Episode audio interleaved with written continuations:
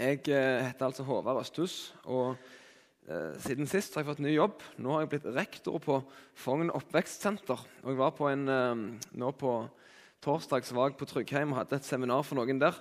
Eh, og Da ble jeg introdusert som rektor den, på den største skolen på Fogn. Det er helt sant, den eneste skolen på Fogn òg. Eh, så det, det, er meg. Eh, jeg er gift med Anne, og vi har Noah. Og så har vi en, eh, en, til, en gutt til som skal bli født nå i desember. Så det blir uh, spennende. Vi har, ja, vi har, snakket om det at hvis han blir født på julaften, så vi kaller han for Jesus. Men nå får vi se hva vi, hva vi gjør der.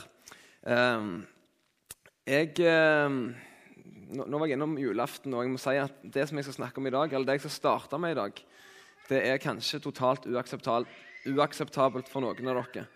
Um, men det har seg sånn at jeg i alle fall har en veldig sånn uh, ja, Jeg mener det er helt lov å begynne å høre på julemusikk når det er november. Og nå er det 2. november.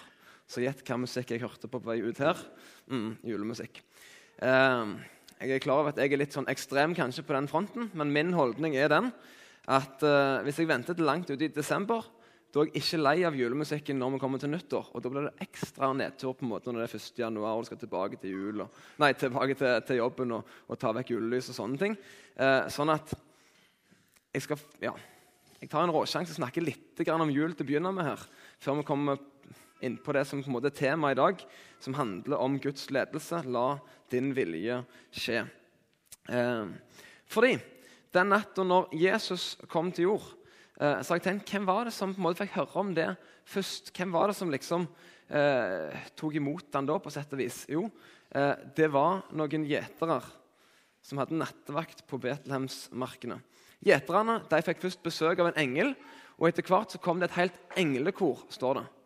Og Englekoret kan vi lese om i Lukas 2. De sier 'ære være Gud i det høyeste', og fred på jorden blant menneskene som har Guds velbehag.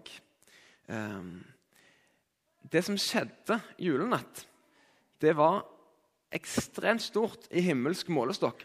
Det er veldig, altså for det første, det er ganske sjelden at vi kan se engler i Bibelen. Det fins jo en del plasser, men, men det er nokså sjelden du kan se ikke minst mange engler som kommer fram og begynner å eh, synge.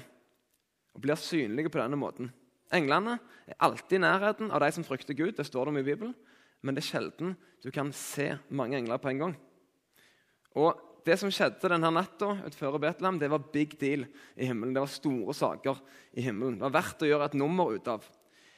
Og så er spørsmålet, Hvordan ble dette mottatt på jorda? Hvordan tok folk imot Jesus på jord? Nei, Det var en stall, eh, gjerne ei hule i fjellet sannsynligvis. Eh, ingen stor sak.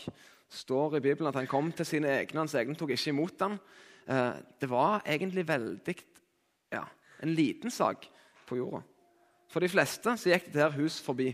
Kong Herodes, for eksempel, han som var konge i Jødeland, eh, han, eh, han, sa at nei, det, hva, her er det bare plass til én konge. Og så vet vi at uh, han hadde rett. Men kongen det var ikke Herodes, det var Jesus. Uh, men det så de ikke på denne tida. Uh, det store på denne tida det var liksom Romerriket.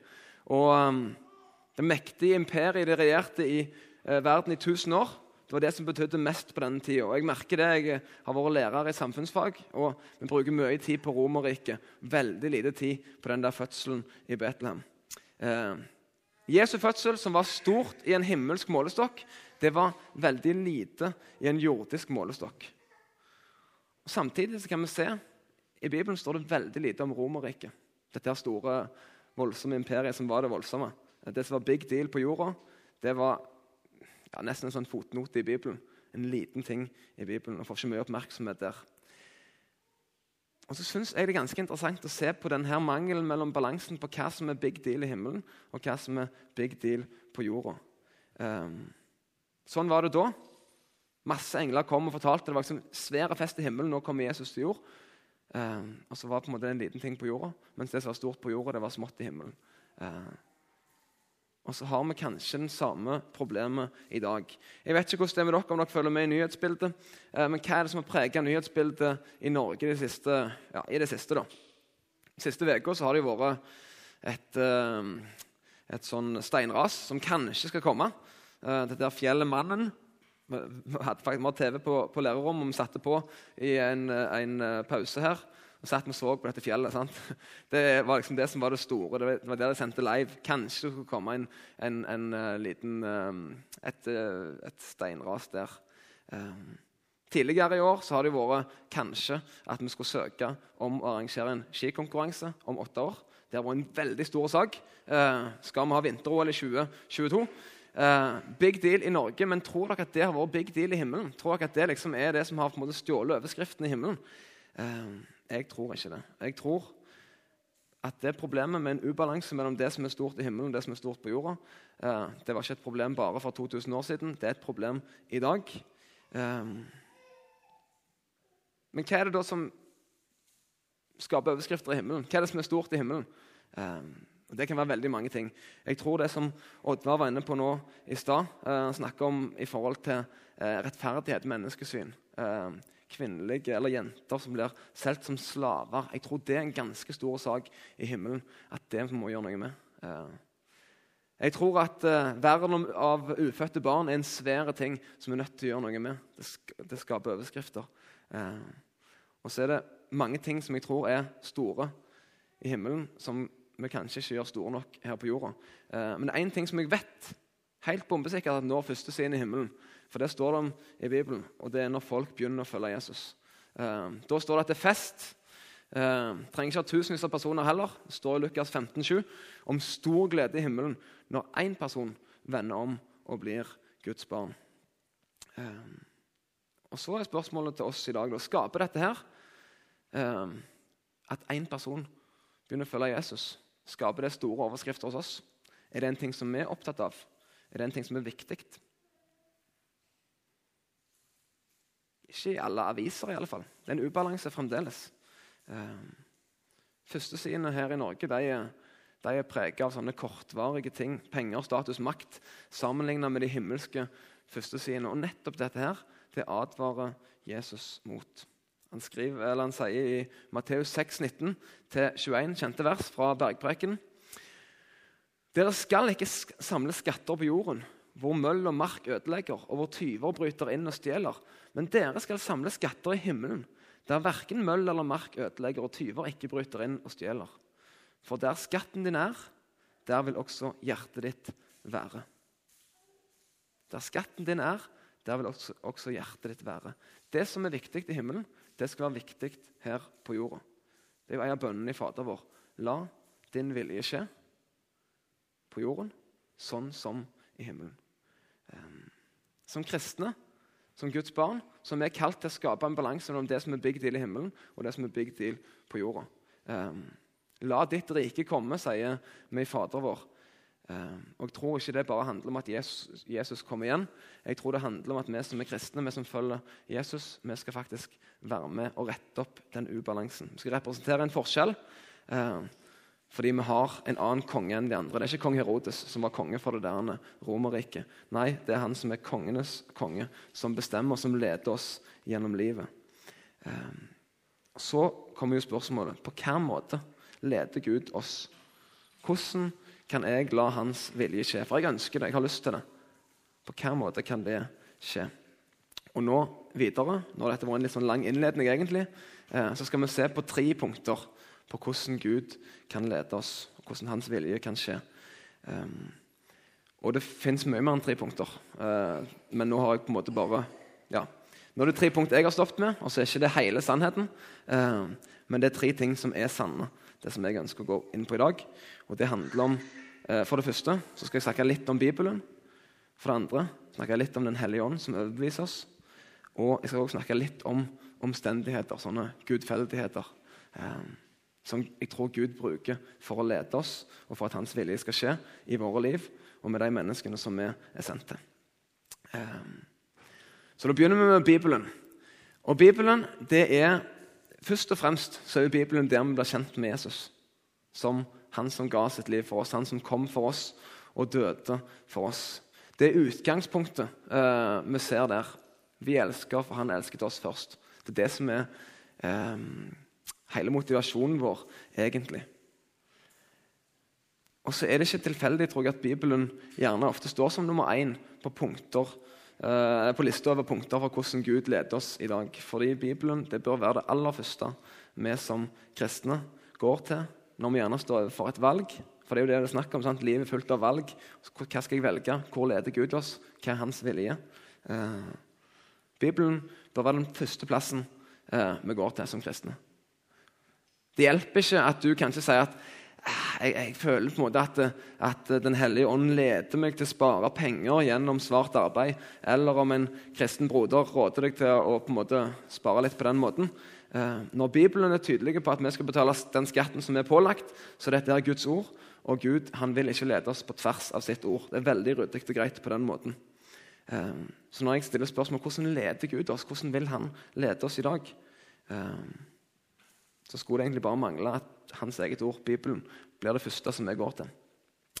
Så leste jeg en historie for en stund siden om uh, ja, det handler om svart arbeid og kristne. Det var en mann der som, som, nettopp hadde blitt kristen. Han skrev et brev til skattemyndighetene. og Der skriver han Jeg har nettopp blitt en kristen og får ikke sove om natten. Derfor vedlegger jeg de 100 pundene jeg skylder. PS. Hvis det viser seg at jeg fortsatt ikke får sove, ettersender jeg resten. Uh, så det var hans, uh, hans måte å, å, å, deale med det på. da. Uh, men Guds vilje er klar på veldig mange ting. Sant? Han er klar på at vi skal ikke, skal, altså, vi skal ikke uh, snyte på skatten, vi skal ikke bryte ekteskap, vi skal ikke hedre vi skal ikke hedre far og mor. Jo, da, det skal vi. Vi skal hedre far og mor, vi skal ikke elske penger, vi skal tilgi andre. Uh, og mange mange andre ting. Han vil ikke lede oss på tvers av de tingene uansett. så Det på en måte, det ligger som et grunnlag, egentlig. Og Så blir det ofte litt stress å slå opp i Bibelen for hver eneste ting som jeg lurer på. Hvert valg jeg står overfor. Hvor vil du lede meg nå? Hva er din vilje, Gud? Um, og jeg tenker Vi må prøve å få Bibelen inn under huden. Det er utrolig viktig å få Bibelen inn under huden.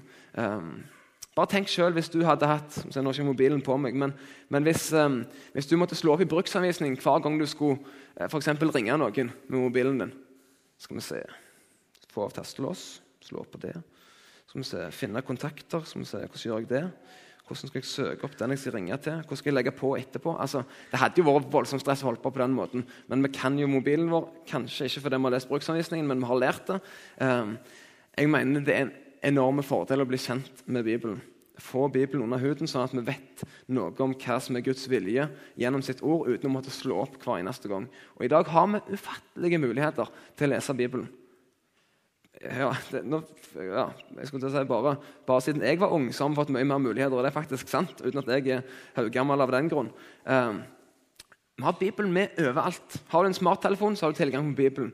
Um, og det handler egentlig om prioriteringer. Um, det handler om vet du hva? Dette her er faktisk den aller viktigste boka og, på en måte bruke tid på å lese i Bibelen. Det er enormt få jeg kjenner som angrer på at de valgte å lese litt ekstra i Bibelen en dag. Så Bibelen den er vi nødt til å ha som nummer én på lista over ting som eh, uh, ja, er viktige når Guds ledelse eh, er i sentrum. Når Hans vilje skal skje, så er vi nødt til å ha Bibelen. Den ligger i bånn. Hans ord, det han har sagt til oss. Um, ok, Så det var på en måte punkt én Bibelen. Punkt to Den hellige ånd overbeviser. Det å være en kristen det er jo mye mer enn å få en himmelbillett. Sant? Det er ikke sånn at jeg blir kristen en dag, og så vær så god, her får du en billett til himmelen. Eh, snakkes der oppe. Eh, nei, det er noe mye mer som skjer. Eh, en av de tingene som skjer når vi begynner å følge Jesus, det er at Den hellige ånd flytter inn i oss. og Den hellige ånd han vil hjelpe oss, han vil snakke til oss på ulike måter. Og han er sentral når vi snakker om at Guds vilje skal skje. Um, og f.eks. når vi ber, så har jeg vært ja, jeg, vil si jeg har vært ganske eh, Helt sånn midt på treet i alle fall, god til å be. Um, men jeg har vært fryktelig dårlig til å lytte eh, etter svar. Når du, når du, spør noen om noe, så venter du stort sett på svar. Det er ikke sånn at du liksom spør noen om noe, så springer du og går igjen. Nei, du venter jo på svar. Og så er, har iallfall jeg vært så mye dårligere på det når jeg spør Jesus om ting. Um, så blir jeg ofte på en måte redd for stillheten. Gjerne, altså Både når jeg, når jeg sitter gjerne og ber for meg sjøl, sånn og også når vi ber sammen med andre, så blir det litt sånn Oi, det er stille. Nå, dette var rart. sant? Og så blir stillheten en trussel når stillheten egentlig er en ressurs. Um, en ressurs der Gud ønsker å tale til oss og svare oss når vi ber. Jeg tror ofte vi glemmer ut å gi en rom til å svare. Og I apostelgjerningen 13 så hører vi om de kristne i Antiokia og hvordan de har gudstjeneste, og så faster de. Og så er det en del stillhet her. Og så, så står det at da hører de Den hellige ånds stemme. Ehm, så står det ingenting om hvordan de hører Den hellige ånds stemme. Det kan være det gjennom tanker, det kan være det gjennom et bilde. Eh, kanskje et inntrykk, følelser. Eh, og hva Den hellige ånd sier?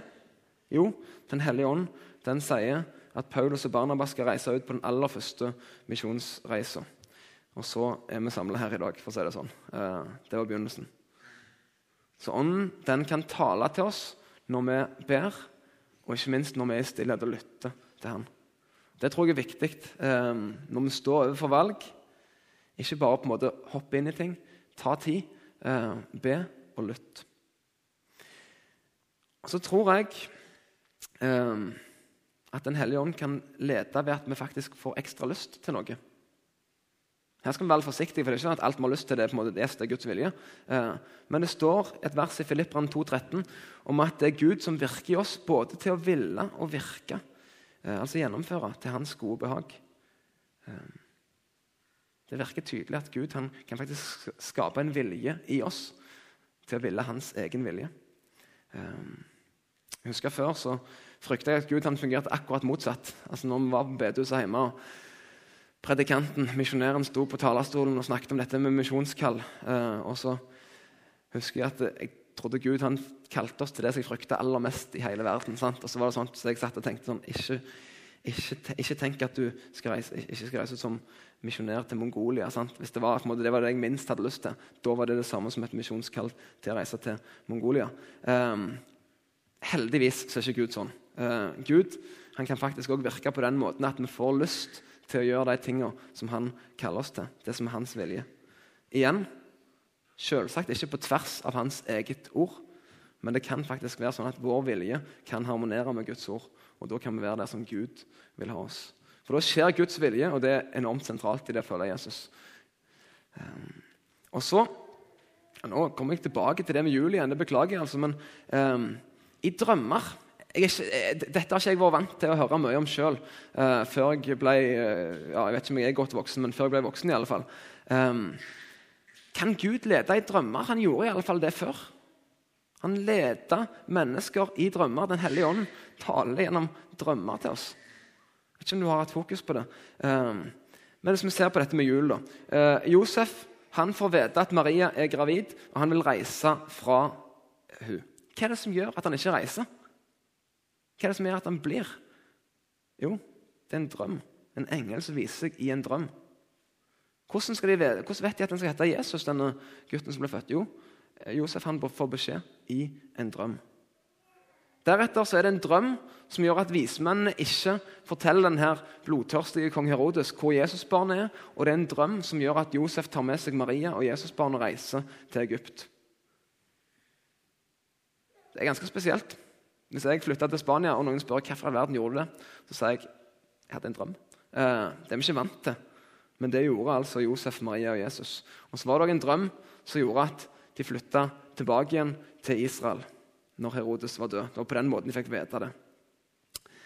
Så taler Gud fremdeles gjennom drømmer. det er ingen tvil om det. I profeten Joel så står det en profeti om hvordan det skal være når den siste dag og Jesu gjenkomst nærmer seg. Det står eh, i Joel 3,1 at deres gamle menn skal ha drømmer, og de unge menn skal ha syner. Og dette skjer i dag. Eh, gjerne særlig i sånne land som er lukka for Bibelen, for misjonærer det fins utallige historier om muslimer som har møtt Jesus nettopp i en drøm, og som har begynt å følge ham på det grunnlaget i dag. Eh, og nå for tida så leser jeg en bok eh, som handler om nettopp dette her med drømmer og syner eh, blant muslimer. Og så var det en historie derfra som ja, Det var på det nivået jeg tenkte den må jeg bare fortelle videre, for det var, det var så fascinerende. Og det var noen, noen muslimer i Egypt som ble kristne. Og når en muslim blir kristen i Egypt, så får han et stort problem. For De har et sånn ID-kort, og på det ID-kortet så står det hva religion de har. Er du muslim når du blir født, så står det 'muslim' der. Er du kristen når du blir født, så står det 'kristen'. Ingen problem å gå på en måte til kontoret og bytte fra kristen til muslim. det er de bare, Da er det klapp på skuldra og gode greier. Men hvis en som er muslim, blir kristen og går og vil bytte dette her, så sier de nei, vet du hva, det, beklager, det kan vi ikke gjøre noe med. Det er umulig. Maskinen virker ikke i dag. Altså litt sånn, De på en måte gjør seg vanskelige. Og så kan jo vi si at ja, det er ikke noe sånn voldsomt svære sak at, at, det står noe annet på ID-kortet ditt. Problemet er at da må plutselig uh, ungene dine de, de, får ikke noe opplæring i kristendom i det hele tatt på skolen. Uh, de er nødt til å på en måte få en muslimsk oppdragelse både på skole og barnehage. Og sånt som det. Og du er liksom ekskludert fra en del sånne kristne settinger om å være i muslimske settinger heller. Så det er en ganske stor sak og et stort problem for de kristne i Egypt. Spesielt de kristne som har vært muslimer. Men så var det noen sånne muslimer da, som hadde blitt kristne. Så har de også lest i Bibelen at alle ting tjener til det gode for dem som elsker Gud. Det står det om i Jakobs brev. Eh, og så er spørsmålet på hvilken måte kan det hjelpe en kristen at han har et ID-kort der det står 'muslim'? Jo, det er én måte de kom på. Og det var det at hm, Vi kan jo reise til Mekka. Mekka det er jo jeg skal si det er Mekka for muslimene. altså Det er jo der de reiser. Eh, på pilegrimsreise der er det bare altså der står det, På, på, vei, på veien utfor Mekka så står det 'Muslims only'. Eh, det er kun muslimer som får lov til å kjøre inn i Mekka og være der. Eh, men disse her, de kunne jo faktisk gjøre det, de òg. For når de ble stoppet, og så spurte folk ja, er dere muslimer. Ja, se her. Her er kortet vårt. Eh, så de kunne kjøre inn i Mekka så kunne de gå rundt der og be. og det var det jeg tenkte å gjøre. De skulle gå rundt i mengden, for det er enormt mye folk Så skulle de bare gå rundt der og be. Og Så er det en av disse her mennene som går rundt og ber, helt stille, selvsagt, for det er jo ulovlig. dette her. Plutselig så kommer det en fyr springende mot ham, en muslim. Kommer springende mot ham, og så sier han, 'Du, du skal fortelle meg om Jesus.' I Mekka, på pilegrimsreise, så kommer det altså en, en muslim springende og sier, 'Du skal fortelle meg om Jesus.' Og han her, han her eh, kristen han jo, blir jo litt sjokkert. Han hadde jo på en måte tenkt at skulle gå rolig rundt og be, og så kommer det en av dem og sier at du skal fortelle meg om Jesus. Hva er det som har skjedd, liksom? Jo, forteller han muslimen. I natt sånn. Så, altså, Jeg har kommet hit, til, jeg kommet hit til, til, Mekka for på en måte å søke Gud. Og i natt så viste det seg en mann for meg. Eh, han mannen han sa at 'jeg heter Jesus'. sa han. Og du skal få lov til å høre mer om meg. Og det skal han fortelle deg. Og så så jeg et bilde, et ansikt, sa han her, muslimen. Og det ansiktet, det var ditt. Så han så ansiktet til denne kristne mannen i drømmen sin. Og når han fant han i Mekka, så var det rett bort du skal fortelle meg om Jesus. Um, og dette her uh, står det med den boka at det er ikke en ting som skjer én gang. Det skjer ofte. Ikke tvil om at Gud kan tale gjennom drømmer. Uh, og ikke bare til muslimene eller til de uh, i lukka land, men han kan tale til oss òg. Jeg fikk et tips av han som heter Olav Garcia de Presno. Uh, han er jo død nå, men jeg var på et seminar med han, og han ga meg et tips som jeg har prøvd ut, og som har vært ganske spennende. og Han sa du må ha noe å notere, notere på ved senga di. Enten det er mobilen eller en bok, eller hva som helst, og skriv ned drømmer med en gang.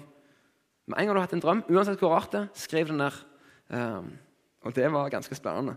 Uh, det kan være sprø drømmer, men særlig hvis det er andre folk i drømmen.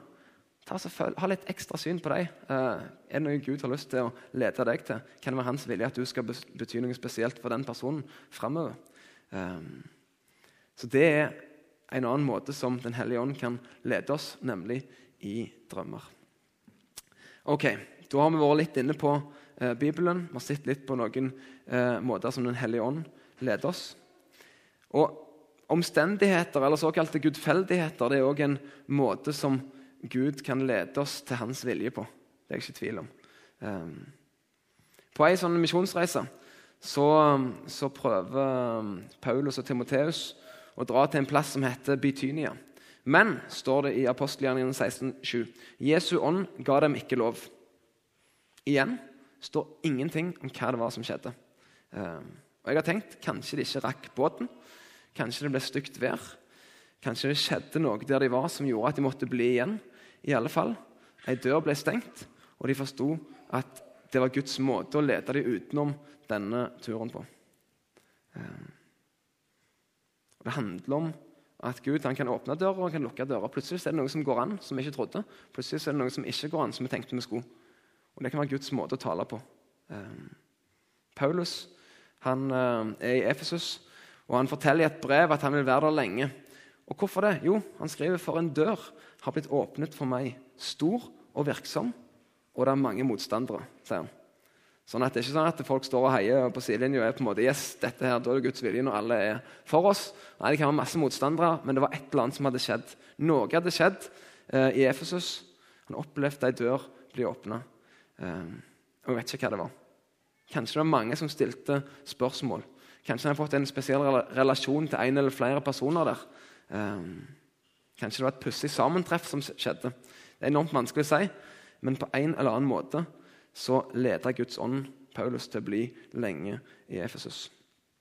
Og For min del så tenker jeg at vi må se på en måte etter sånne tilfeldigheter eller gudfeldigheter i hverdagen vår. For det, altså, Gud han, ikke, han har ikke bare talt i Bibelen, og så er han på en måte ferdig med sitt. Han er her. altså Jeg, jeg tror at han er her inne. altså Han, eh, han er sammen med hver eneste dag, han ønsker å fortelle meg ting. Så jeg er nødt til å følge med på de tingene. Hva er det han har lyst til å fortelle meg i dag? Eh, og for nå jeg sa jeg hadde fått en ny jobb siden sist jeg var her. og Den nye jobben den fikk jeg 1.10. Eh, så begynte jeg i den. Ehm, så det har vært en sånn prosess for meg i høst. Ehm, jeg fikk tilbud om jobben, og så er spørsmålet skal jeg ta den, skal jeg ikke ta den.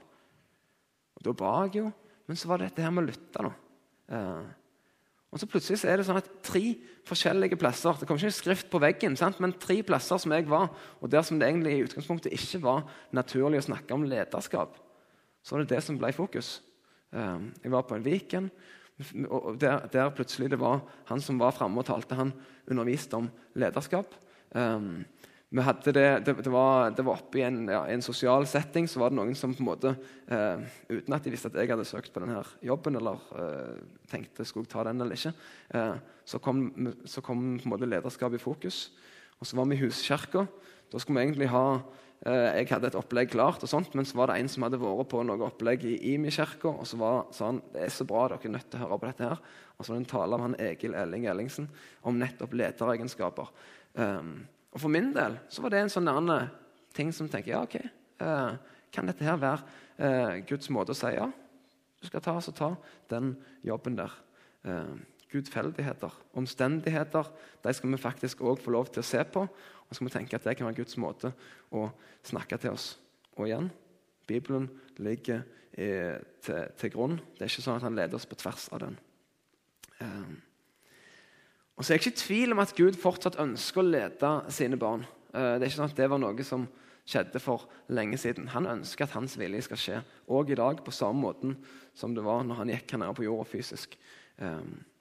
Det jeg er mer i tvil om, det er om vi får med oss dette eller om det går oss hus forbi. Om Den hellige ånds ledelse går oss hus forbi, om vi glemmer å lese i Bibelen, om vi ikke får med oss omstendighetene. Eh, for jeg tror alle her vil si at de har travle liv.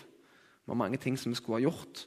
Skal ha plass til mest mulig, så skjer det en liten sak. Jeg treffer en person kanskje på butikken, eller havner ved siden av noen på et fly, eller et eller annet sånt som det.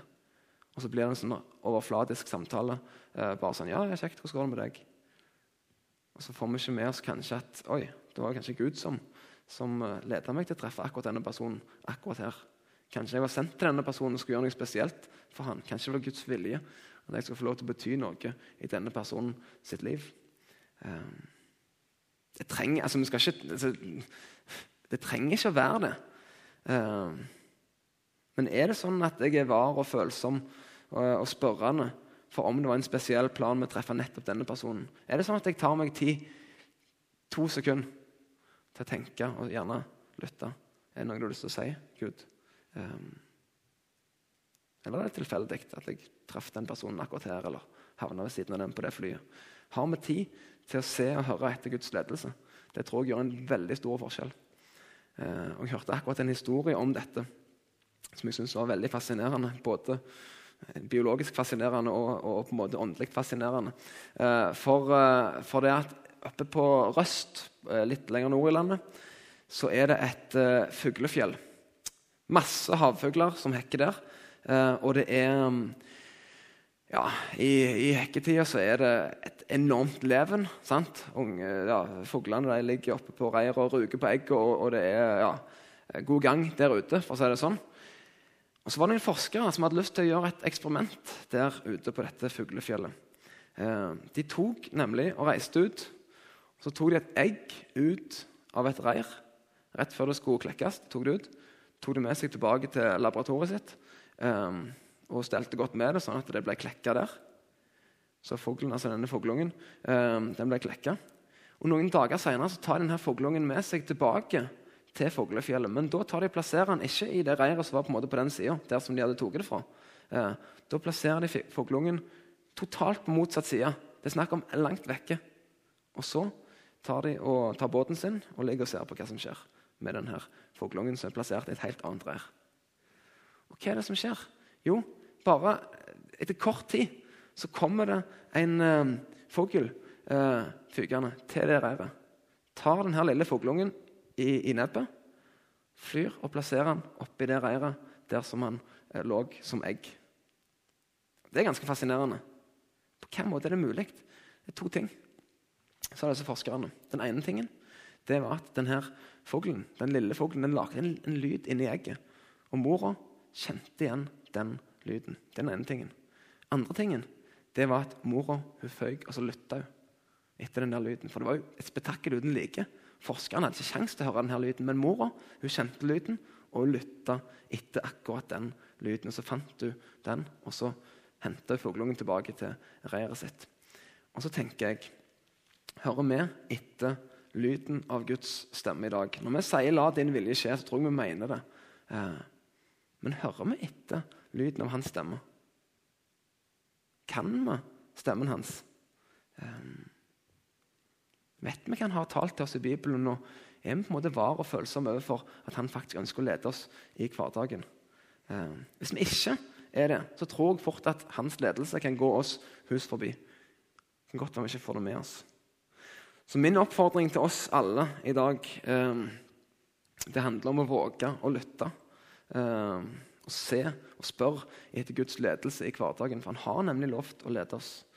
Eh, men vi er nødt til å ta imot den utstrakte hånda som han gir oss når vi skal ta våre mange valg i livet.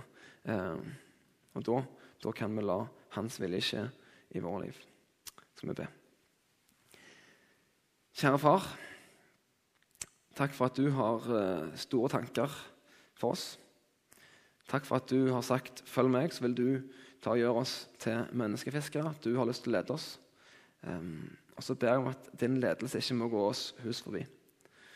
Jeg ber om at vi må våge å bruke tid i Bibelen. At vi må våge å lytte etter Den hellige ånds ledelse. At vi må våge å se på de omstendighetene. Er det tilfeldigheter, eller er det gudfeldigheter som du har plassert oss i?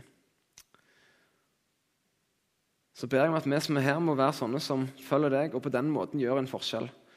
En forskjell i en verden der det faktisk er sånn at de tingene som er viktige her, er ikke viktige i himmelen. Men de tingene som er viktige i himmelen, de er faktisk uviktige her. Jeg ber om at vi må være sånne som gjør en forskjell. Eh, og som får lov til å være din stemme, dine hender, dine føtter her på jorda, kjære far. Du ser alle menneskene som er her i kveld. Du ser hver enkelt og de eh, omgangskretsene som hver av oss har.